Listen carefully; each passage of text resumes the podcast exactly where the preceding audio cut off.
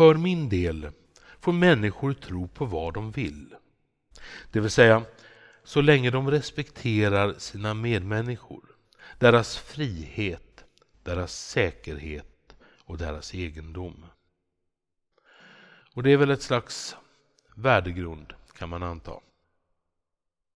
Vad jag menar är att oavsett om man hämtar sin livssyn från Gud, från Karl Marx, från Allah, från Ayn Rand eller från Henrik Schyffert så måste man acceptera och respektera sina medmänniskor.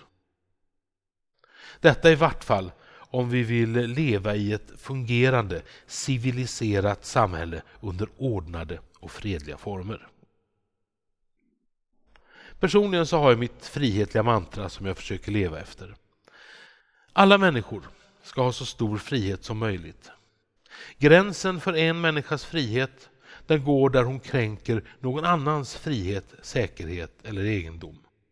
Detta med tillägget att det är viktigt att alla är lika inför lagen. Alltså 1. Alla människor ska ha så stor frihet som möjligt. 2. Gränsen för en människas frihet går där hon kränker någon annans frihet, säkerhet eller egendom. Och 3. Alla ska vara lika inför lagen.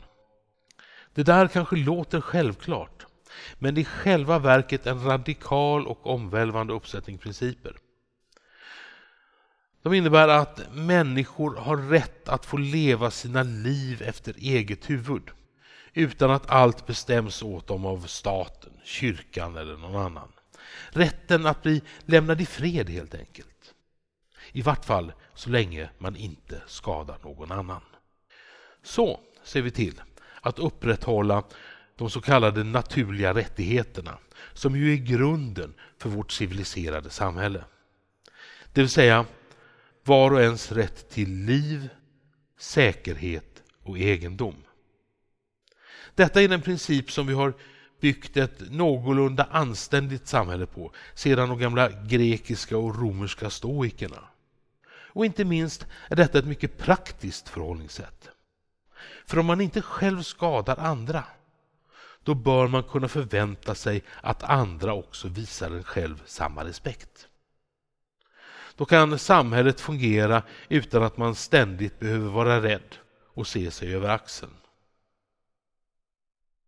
Allt du vill att andra ska göra mot dig, det ska du också göra mot dem och vice versa.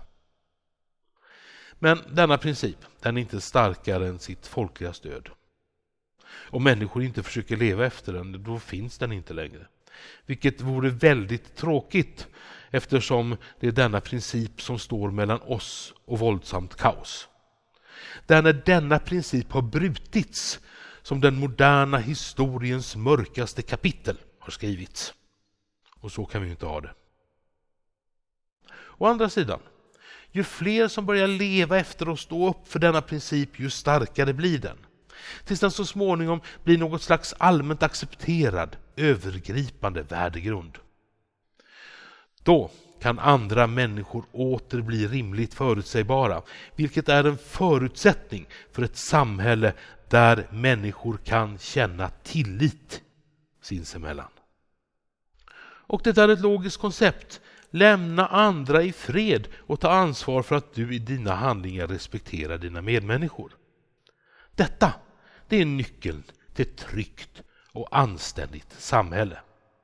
Detta det är vår civilisations nedärvda essens för att använda en något misshandlad term.